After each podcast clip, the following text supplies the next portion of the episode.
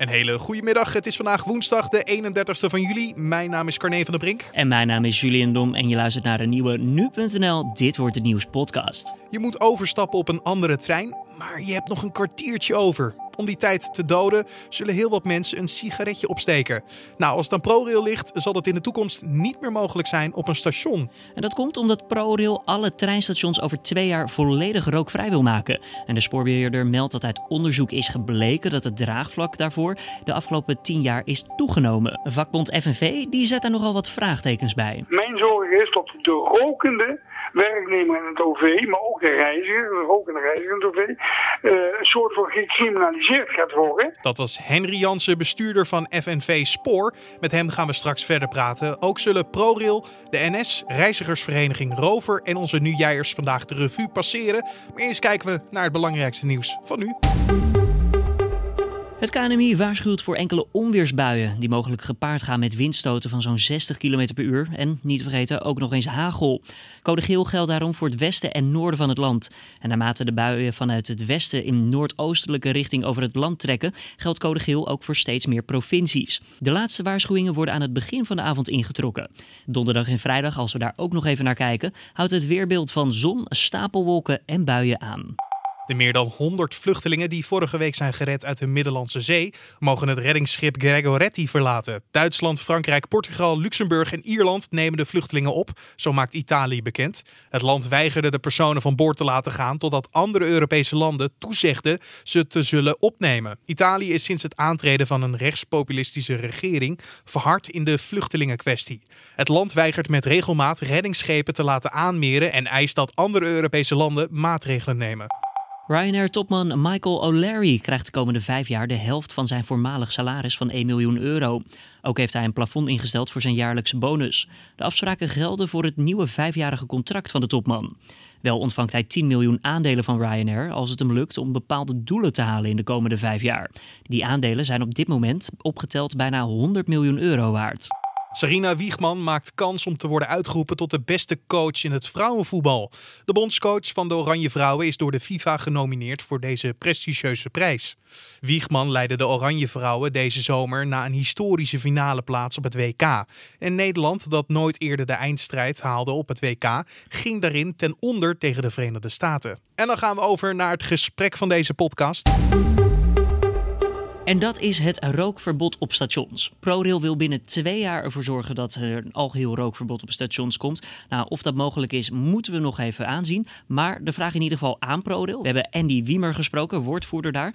Uh, is in ieder geval waarom al binnen twee jaar? Ja, we hebben gezegd binnen afzienbare tijd. Uh, en dat willen we eigenlijk omdat we vinden dat de tijd, is, de tijd is rijp om dit gewoon met elkaar ook voor elkaar te krijgen. En uh, ja, richting een rookvrije generatie te gaan. Want dat is natuurlijk wel het belangrijkste. Uh, wij willen eigenlijk voorkomen dat kinderen, uh, maar ook gewoon volwassenen, in de rook van een ander staan. Wat merk je er nu dan aan? Want sinds 2004 is uh, roken nou, grotendeels verboden op stations. Nu zijn er alleen aangegeven vakken. Uh, werkt dat dan niet? Nou, dat werkt uh, op zich werkt dat wel, maar niet altijd. Er zijn natuurlijk altijd mensen die zich niet aan de regels houden. Maar daarnaast is natuurlijk de regel dat je binnen drie meter van die rookpaal gewoon een lekker sigaretje mag roken. Maar ehm, ja, die rook kan natuurlijk verder dan die drie meter het perron op. Ja, en dan krijgen wij toch wel veel klachten van reizigers. Uh, ja, die toch echt last hebben van, van die rook. Nou hebben jullie als ProRail uh, gezegd dat er draagvlak is voor zo'n rookvrij perron of een rookvrij station. Hoe hebben jullie dat onderzocht? Nou, er is al eerder onderzoek geweest en uh, daar baseren wij ons op. Uh, er zijn natuurlijk, ja, er is een, een, alliantie opgericht. Dat heet, die zich bezighouden met de rookvrije generatie. Die hebben allerlei onderzoeken al gedaan. En daarin staat ook dat uh, toch wel een groot draagvlak is van mensen die, uh, ja, die ook per ons graag rookvrij zien. We zien het ook in het buitenland. Zweden bijvoorbeeld heeft het al doorgevoerd. Die zijn ook bezig om eigenlijk alles in hun land rookvrij te maken, waaronder ook per ons. En daar wordt ontzettend goed op gereageerd. En jullie zeggen ook dat de, voor dit plan jullie steun nodig hebben van vervoerders, de vakbonden en andere reizigersverenigingen. Hoe zit het daarmee? Hebben jullie al die steun? Nou ja, daar zijn we over in gesprek. Eh, kijk, je kunt je voorstellen als je op een trein rijdt als machinist of uh, conducteur en je rookt, uh, dan moet je natuurlijk een, een, plek hebben waar je een sigaretje kunt roken. nou, dat is voor, die, voor het treinpersoneel is dat op dit moment gewoon op het perron bij de rookpaal. Nou, je moet met elkaar gaan nadenken over hoe je die mensen kunt faciliteren. om toch een sigaretje te kunnen roken voor degenen die dat toch willen. maar ja, wij zien dat eigenlijk het liefst niet op het perron bij de reizigers, maar als het dan echt moet, een, op een, uh, in een afgesloten ruimte. Nou ja, en dat zijn gewoon uh, ja, faciliteiten die we met elkaar moeten bespreken. En kijk, we hebben meerdere vervoerders op ons spoor rijden. Dus daar uh, moeten we allemaal mee in gesprek. En dat gaan we ook doen. Ja, de visie is duidelijk in ieder geval. Maar wat zullen de eerstvolgende stappen zijn vanuit jullie? Nou ja, sowieso die gesprekken aangaan. wij vinden dit ook een motor om die gesprekken goed te voeren. Wij willen als ProRo echt het voortouw hierin nemen. Dat willen we ook laten zien in de gesprekken. En uh, ja, uiteraard moeten we het met elkaar gaan doen. We moeten met elkaar gaan kijken hoe we dit zo snel mogelijk uh, tot stand kunnen brengen. Maar er is nog geen duidelijkheid over dat binnen een half jaar of zo die vlakken verdwijnen. Ja, kijk, journalisten willen natuurlijk altijd een getal of een jaartal noemen waarin alles uh, geregeld is. Dat snap ik ook. Maar wat belangrijk is, is dat we er allemaal achter staan. Uh, wij willen het in ieder geval. Ik merk ook dat bij vervoerders de wil er ook is. Bij vakbonden, die vinden het nog iets lastiger, uh, lees ik in de reacties. Die komen natuurlijk voor hun personeel op. Maar wij hebben in ieder geval alle vertrouwen in dat we met goede gesprekken tot een akkoord kunnen komen om dit zo snel mogelijk te regelen. Je Andy Wiemer, woordvoerder van ProRail. En wij gaan straks verder praten met nog vele organisaties zoals Reizigersvereniging Rover, vakbond FNV. Laten we ook nog even aan woord. Maar Julien, jij hebt ook nog even gebeld kort met de NS, hè? Jazeker, want uh, nou, de NS, ik dacht altijd dat de NS eigenaar is van alle stations. Uh, dachten jullie dat ook? Nou, dat heb jij vandaag de hele tijd gezegd. En ik dacht het inderdaad, door jouw enthousiasme dacht ik dat. Sowieso. ja, nou, ik riep dat ook de hele tijd tot ik met ze wel Toen werd het me even uitgelegd. De NS die is dus eigenaar van, um, als het ware, de waar voorzieningen zijn. En dan vooral het voorzieningsgedeelte. En ProRail is eigenaar van de sporen en de perrons. En als nou een station alleen een perron heeft, zoals de kleinere stations in Nederland, dan is dat geheel eigendom van ProRail. Maar, hè, dan komt een maar weer, het beheer is wel weer door de NS. Dus als er uh, beveiligers rondlopen, dan zijn die in dienst van de NS. Oftewel, het is een heel, hele grote samenwerking. Vroeg dan ook van, kan je dan uh, zeggen, uh, dit vroeg aan de NS, dat ProRail gewoon dit er doorheen pusht, van, omdat de perrons toch van hun zijn. En werd mij verteld door de woordvoerder van NS, Erik Kroesen. Nee, het gaat toch in samenwerking, omdat wij dus daar dit beheer doen je komt niet verder in je eentje. Dus uh, we zijn in gesprek met elkaar en uh, we hopen ja, het rookbeleid samen te moderniseren op de stations in Nederland. Al met al dus het perfecte Nederlandse poldermodel. Iedereen nou, moet het, het met ja, samen doen inderdaad. Daar komt het wel op neer en ja. dat is maar goed ook, want uh, als je iets er doorheen gaat pushen, dat gaat nooit werken. Dat merken wij ook wel eens bij de samenwerking, toch Corné? Tom van Marwijk. Goedemiddag. Onze man achter Nu Jij, ons discussieplatform van nu.nl. Kan je ons vertellen wat onze lezers van dit nieuws vinden? Ja, nou, uh, gemixte gevoelens uh, vooral. Uh, aan de ene kant zie je dat de grote meerderheid wel zegt van... nou, ik vind het eigenlijk wel prima. Best wel veel mensen vinden het toch wel vervelend om door de rook te moeten lopen. maar wat wel een interessant punt is, is je hebt natuurlijk die rookzones. en wat mensen ook zeggen is, ja, als je die rookzones hebt... en rokers die roken daar ook echt dan heb je er eigenlijk geen last van. Maar wat je nu dus ziet, is dat er toch best wel veel rokers zijn die ook niet in die zones roken.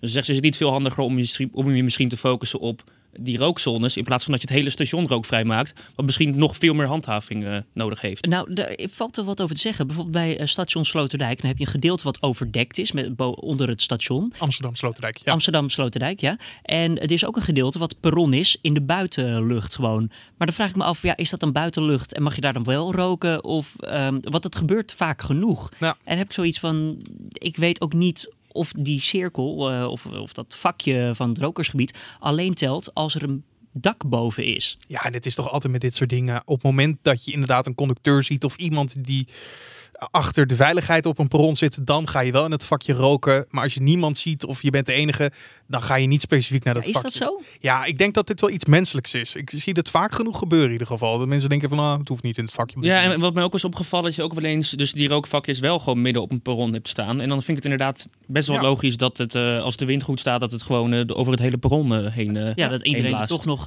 ja, wat van meekrijgt. Ja, precies. Ja. Nou, zeker. En aan de andere kant heb je natuurlijk ook heel veel lezers die zeggen onzin, uh, zo'n verbod. Uh, zo was ook een lezer die zei, ja, ik zit ook wel eens naast iemand met een hele sterke parfum op. Dat vind ik ook verschrikkelijk. Nou, nou mag je dan geen parfum meer dragen? Ja, oké, maar eh, roken is natuurlijk ook voor de gezondheid schadelijk. Uh, mm-hmm. Althans, sommige parfums uh, wellicht. Ik heb ze wel eens geroken. Die zijn ook ja, ja, ja. Nou ja, we hebben vanochtend in de redactievergadering hebben we ook natuurlijk daarover gesproken. Inderdaad, redacteuren die zeiden van, joh, hoe zit het dan met eten? Weet je, als je heel vettig gaat eten, hoe, hoe verschilt zich dan met roken? Maar ja, daar heb je geen last van als omstander. Met roken is dat natuurlijk wel, met die walmen, is dat even wat anders, die stoffen die je dan binnenkrijgt. Dat is gewoon het lastige. En dat is denk ik voor de rokers misschien wat moeilijker te begrijpen dan de niet-rokers. Die zullen hier wat sterker in staan. Nou, gelukkig hebben ook wat mensen gesproken hierover bij het stationsgebied Haarlem. Onze stagiair Martijn van Delft die is daar naartoe gedaan en vroeg hoe er over gedacht wordt. Nou, ik vind het een beetje te ver doorslaan. Een beetje overgereguleerd wat we in Nederland gewend zijn. Hè? Ja, ik vind het in de restaurants en zo, dat begrijp ik. Maar op een station waar het buiten is, dat... Uh, beetje overdreven. Naderen we een grens wat dat betreft? Want er zijn natuurlijk steeds meer gebieden waar, uh, waar je niet meer mag roken. Naderen we een grens? Nou, vind ik wel. Op een gegeven moment moet het wel stop zijn. Want ik bedoel, er wordt, rokers worden in een verdomhoekje gedrukt. En uh, ja, als je bij de slijterij uh, acht flessen jenever koopt en je gaat die op het station opdrinken en uh, je kotst de hele boel onder. Dat vind ik meer overlast veroorzaken, denk ik, dan een, uh, een uh, sigaretje roken. Ja, ik begrijp het natuurlijk wel. Maar ja, roken is gewoon aangetoond. Het is slecht. Dus ja, weet je, gezondheid van de meesten gaat natuurlijk boven een paar mensen die een slechte gewoonte hebben. Ja, het is heel lullig om te zeggen, maar ja. Heb je er zelf wel eens last van? Ik heb er, ja, ik heb er, vroeger had ik er wel last van toen ik klein was. En nu, ja, weet je, ik heb natuurlijk wel vaker in rook gestaan van mensen. Dus ik weet niet. Ik kan me wel herinneren dat ik vijf jaar was. En dat ik uh, naast een jongen liep. En die was gewoon vol rook in mijn gezicht aan het blazen. En dat ik dan helemaal ging hoesten en zo. En dat is natuurlijk super slecht. Dat is niet normaal. Dat. Maar, maar maak je dat nog steeds wel eens mee? Uh, ja, nu maak ik nog steeds mee. Maar uh, nu heb ik er ook nog last van. Maar minder dan toen ik klein was. Wat vinden jullie daarvan? Zwaar overdreven. Want rookt u zelf? Uh, ik heb ooit gerookt, maar dit is meer uh, rokertje pesten. En het heeft, uh, het heeft eigenlijk weinig nut om mensen dat te onthouden. Daar hebben me weinig mensen last van, maar men is aan het pushen, pushen, pushen. en ze gaan daar gewoon veel te ver mee. Ja, ik heb er wel een toevoeging. Toen het ooit begon, dat die stimulans om minder te roken, toen was de slogan, daar komen we samen wel uit. Nee hoor. Ja? Maar de rokers die worden nu toch wel als een soort melaatse behandeld hoor. Een bijdrage van Martijn van Delft hoorde je daar. En op het einde, ja, rokers die als melaatse worden vergeleken, dat is nogal wat. Daarom belden we ook eventjes in ieder geval met de reizigersvereniging Rover. Sanne van Gaal is daar de woordvoerder. Om te vragen hoe zij kijken naar dit nieuws. eigenlijk is het helemaal niet zo'n grote verrassing. Niet zozeer omdat eigenlijk de hele maatschappij een beetje die kant op begint te gaan. Steeds meer gebieden hebben een rookverbod. Je ziet bijvoorbeeld ook in pretparken, je ziet het in gebouwen. En wij krijgen best wel, wel sinds jaar en dag klachten binnen van mensen die niet roken. En die wel last hebben van rook. Dus wij begrijpen best waar het vandaan komt. En wat voor reacties krijgen jullie dan binnen dan van reizigers? Nou, over het algemeen is het zo dat je hebt natuurlijk op het bron van die, uh, van die rookzones. Die zijn dan met stickers afgezet. Maar de rook die blijft niet netjes binnen de lijntjes. Zeg maar. De rook die gaat gewoon het hele perron over, afhankelijk van hoe de wind staat. En mensen die klagen er vaak over dat ze er toch dan even goed last van hebben. Bijvoorbeeld een klein perron kun je eigenlijk om het één been in de rookzone staan, bij wijze van spreken, ook al hoor je het niet. En daarnaast is het ook vaak zo dat mensen bijvoorbeeld niet een rookzone weten te vinden en op de verkeerde plaats staan te roken. En dan krijgen we ook klachten over. Merken jullie dat mensen elkaar ook aanspreken op het rookgedrag? Nou, eigenlijk niet zo. Ik geloof dat het wel makkelijker is voor mensen om achteraf te klagen dan ter plekke iemand erop aan te spreken over het algemeen. Maar dan moet ik ook bij zeggen dat mensen zijn ook wel een beetje bang voor ruzie. En dat ook wel terecht is vaak. Als je ook bijvoorbeeld kijkt, stilte mensen kunnen elkaar vreselijk in de haren vliegen om de kleinste dingen nu eenmaal. En de reacties krijgen jullie natuurlijk, neem ik aan, van de niet-rokers. Maar krijgen jullie ook reacties van rokers? Wij horen eigenlijk zelden iets van rokers. Um, vandaag is natuurlijk wel een uitzondering. We hebben vandaag nu één echte officiële klacht gehad. Van een roker die zegt dat hij niet meer het openbaar vervoer wil als er een rookverbod komt. Wat natuurlijk wel echt betreurenswaardig is.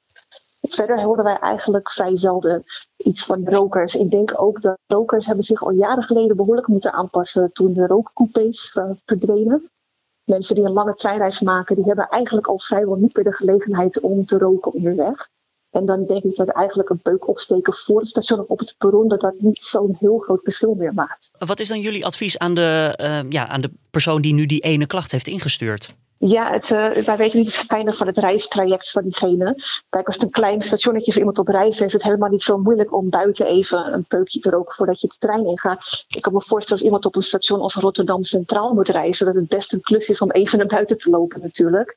Ja, goed, we hopen toch dat het uiteindelijk wel gewoon mee zal vallen. En dat het gewoon kwestie is van even je ritme een beetje erop aanpassen. Het plan van ProRail is dus om binnen twee jaar volledig uh, rookverbod te krijgen op stations. Gaan jullie nog wat doen binnen die twee jaar om mensen misschien te helpen uh, herinneren aan het idee dat uiteindelijk alles rookvrij is? Ik denk niet dat dat uh, nodig zal zijn. Ik ga ervan uit, en we zullen dat nog horen, ook van ProRail, dat daar best een behoorlijk uh, communicatieplan tegen aangegooid zal worden. Machinisten dan, die hebben ook een plek nodig om te roken als zij roken. Hoe denken jullie daarover? Ik kan me goed voorstellen dat het voor machinisten een iets ander verhaal is dan voor reizigers. Iemand die de hele dag op een station en in een trein moet werken, die zal inderdaad toch een soort plek moeten hebben.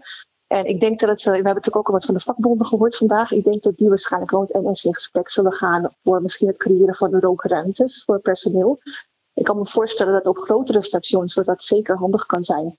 Op kleinere stations misschien iets minder hard nodig, omdat je dan vrij snel buiten staat om daar een peuk te kunnen roken. Maar ik denk dat de vakbonden daar zeker wel mee aan de slag zullen gaan. Je hoorde woordvoerder Sanne van Galen van reizigersvereniging Rover. En ze zei het al, de vakbonden zullen daar ook wel een mening over hebben. En dat hebben ze zeker. Wij hebben gebeld met Henry Jansen. Hij is bestuurder bij FNV Spoor. En wij vroegen hem of dit nou goed of slecht nieuws is voor de vakbond. Nee, dat is uh, slecht nieuws. Laat ik uh, vooropstellen dat wij als FNV Spoor uh, niet voor roken zijn. Roken is hartstikke ongezond. En wij zijn ook tegen het businessmodel van de tabaksindustrie. Uh, maar zolang roken legaal uh, is en uh, ook de sigaretten en tabak legaal in de supermarkt te verkrijgen zijn, zijn wij tegen een selectief verbod. En een selectief verbod, daar bedoel ik mee dat je bijvoorbeeld de straat wel mag roken, parkeerplaatsen, fietsstalling, maar zowel het station of het perron komt, niet. Is niet werkbaar, roept vragen, discussies op en wij weten allemaal. Tot, uh, en daarom maken we ook beleid met het ministerie van Justitie en uh, Infrastructuur en uh, met de werkgevers en openbaar vervoer over.